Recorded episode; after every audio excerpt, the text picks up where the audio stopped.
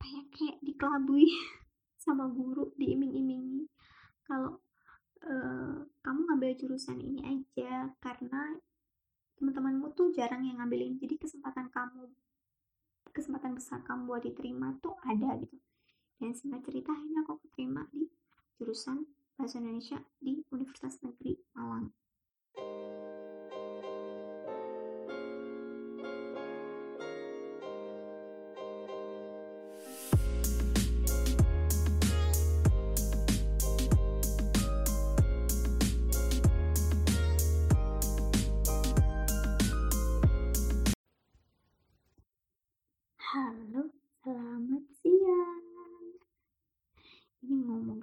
siang, nanti diuploadnya malam hari. Ya, ginilah seorang Vera. Kadang udah ngerekam, nanti malas ngedit, malas. Kayak gitulah. Oke, podcast kali ini aku ingin bercerita tentang kenapa aku akhirnya membeli jurusan Bahasa Indonesia. Jadi yang belum tahu, Nama aku Verwati Riani, lengkapnya biasa dipanggil V atau Vera. Yang terakhir itu Vera nggak nyambung ya sama nama lengkapku tadi. Dan sekarang hmm, aku sedang menempuh pendidikan program magister pendidikan bahasa Indonesia di salah satu perguruan tinggi negeri di Malang. Nah, kenapa sih aku tiba-tiba pengen cerita ngapain atau alasanku ngambil jurusan bahasa Indonesia ini? jadi aku ingin berbagi aja sih sebenarnya kadang kan beberapa orang banyak yang nggak tahu kan jurusan bahasa Indonesia itu terlebih pendidikan bahasa Indonesia itu yang dipelajari apa sih kok kamu mau ngambil jurusan ini dan stereotip atau pandangan orang-orang terhadap jurusan ini tuh kadang sedikit meremehkan ngapain juga belajar bahasa Indonesia Padahal kita sendiri dari kecil tuh udah bisa bahasa Indonesia. Hello, nggak sesimpel itu kali. Tapi yang episode pertama ini, aku mau cerita aja. Asal muasal kenapa akhirnya aku kuliah di jurusan ini.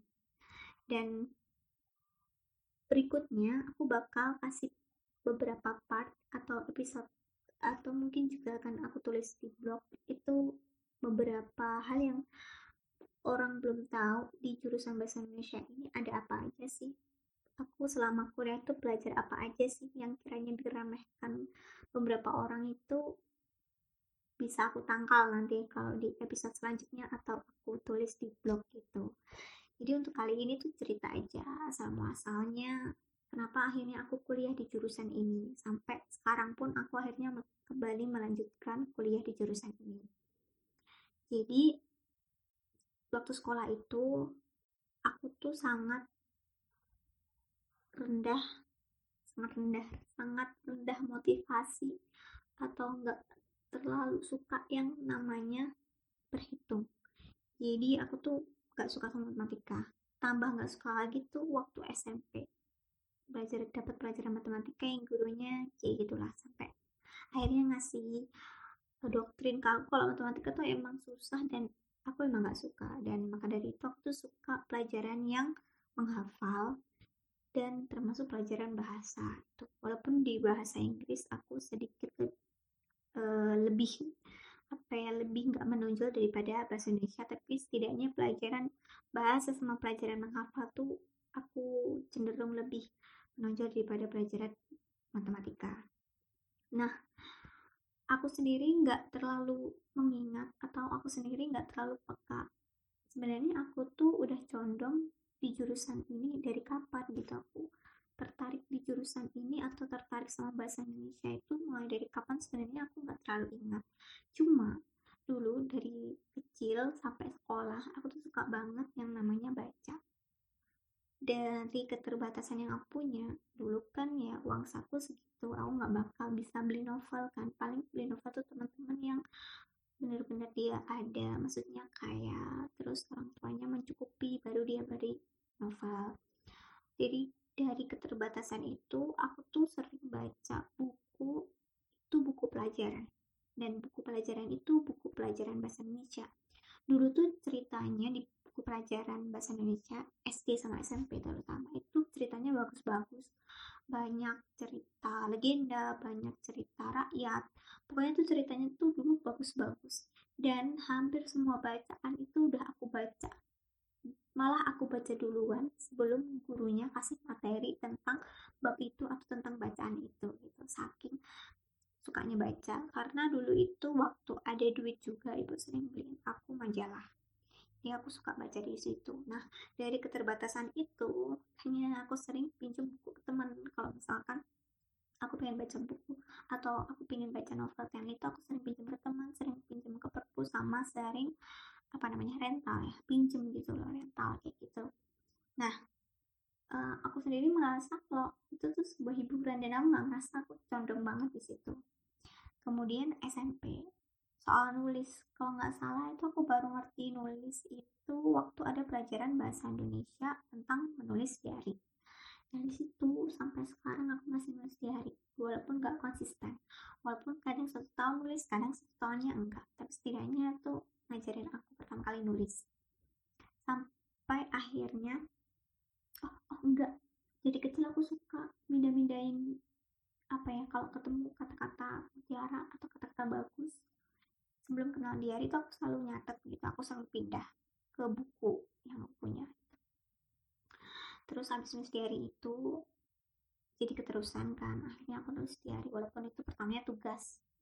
Nah habis itu aku pernah ingat aku tuh juga pernah ikut lomba nulis novel yang kala itu aku kalau diingat-ingat itu biayanya nggak murah yang kala itu ratusan maksudnya dalam arti kan dulu nggak bisa kirim naskah melalui email kan misalkan kan yang kayak sekarang lewat daring gitu. Dulu itu ngirimnya beberapa rangkap itu diketik dikasih ke amplop coklat dikirim terus kayak gitu loh. Jadi kan banyak banget gitu biayanya. Sedangkan aku punya komputer jadi otomatis harus ke warnet. Dan aku tuh ngetiknya super lama karena belum lihai. Kalau nggak gitu rental begitu terus kalau soal ngomong atau berbicara sendiri aku ngerasa keterampilan kan kalau di bahasa Indonesia itu ya setidaknya kalau ada di bahasa ya jurusan bahasa itu keterampilan menulis membaca menyimak sama mendengar nah, menulis membaca menyimak sama menulis, membaca, menyimak sama berbicara ya Allah. Itu kan termasuk keterampilan berbahasa ya. Nah aku ngerasa kalau keterampilanku untuk berbicara itu nggak sebagus baca sama nulis. Tapi aku ingat dulu di SMP nilaiku berbicara, nilai mendongeng atau bercerita itu nilainya tuh paling bagus gitu loh. Padahal aku tuh kelas tuh jarang ngomong jarang banget berinteraksi sama orang bahkan kalau nggak teman dekat dan kala itu langsung diumumin saat itu juga selesai tampil tuh nilaiku terbaik. Banget sih. Dan aku masih belum ngeh juga kalau aku tuh tertarik sama pelajaran itu. Maksudnya tertarik sama keterampilan bahasa. Sampai di SMA itu kan penjurusan ya itu milik IPA atau IPS dan balik lagi aku nggak mau ketemu sama yang namanya hitung-hitungan. Akhirnya aku milih IPS walaupun di IPS juga pasti ada hitung-hitungan kan kalau akuntansi ekonomi. Itu tapi setidaknya nggak semomok di IPA dan aku emang ngerasa aku tuh lebih menonjol di pelajaran menghafal sama pelajaran bahasa. Dan aku tuh suka banget sama pelajaran IPS terutama pelajaran sosiologi gitu. Tapi kalau diingat-ingat juga aku tuh suka melintir atau ngarang ketika ujian gitu.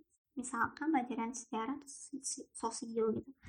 Kan kalau kita kan nggak perlu ya sejarah mesti apa ya membutuhkan jawaban paten. Tapi kan kadang ada soal esai di sosio misalkan di sosiologi kan ilmu tentang masyarakat kan kadang kita uh, dapat soal esai yang kita nggak perlu menghafalkan. Itu aku suka banget melintir-lintir atau ngarang-ngarang gitu loh. Kayaknya dari situ ya kayaknya dari situ aku udah ngerasa ternyata aku tuh suka pelajaran bahasa ternyata aku tuh suka condong sama bahasa. Dan di waktu SMA itu entah kenapa akhirnya aku sering ditunjuk jadi MC pembawa acara di berbagai event sekolah atau kegiatan sekolah. Kemudian juga sering disuruh baca puisi atau pidato. Kalau pidato sih aku masih oke-oke ya. Kalau puisi tuh kayak gimana gitu aku sendiri juga gak tertarik sama sastra sebenarnya. MC terus ikutin beberapa lomba. Dan aku makin aktif juga di sekolah aku juga ikut berbagai organisasi dulu. Takmir osis pramuka pokoknya aku ikutin. Jadi entah kenapa lupa sih tiba-tiba jadi MC tiap ada acara sekolah gitu. Bahkan di MC keagamaan acara agama di sekolah itu aku juga aku sendiri juga ngerasa kayak gitu. Ternyata jago ya. Dan dari situ akhirnya aku disarankan untuk ngambil jurusan ini padahal aku tuh pengen banget tuh jurusan sosiologi.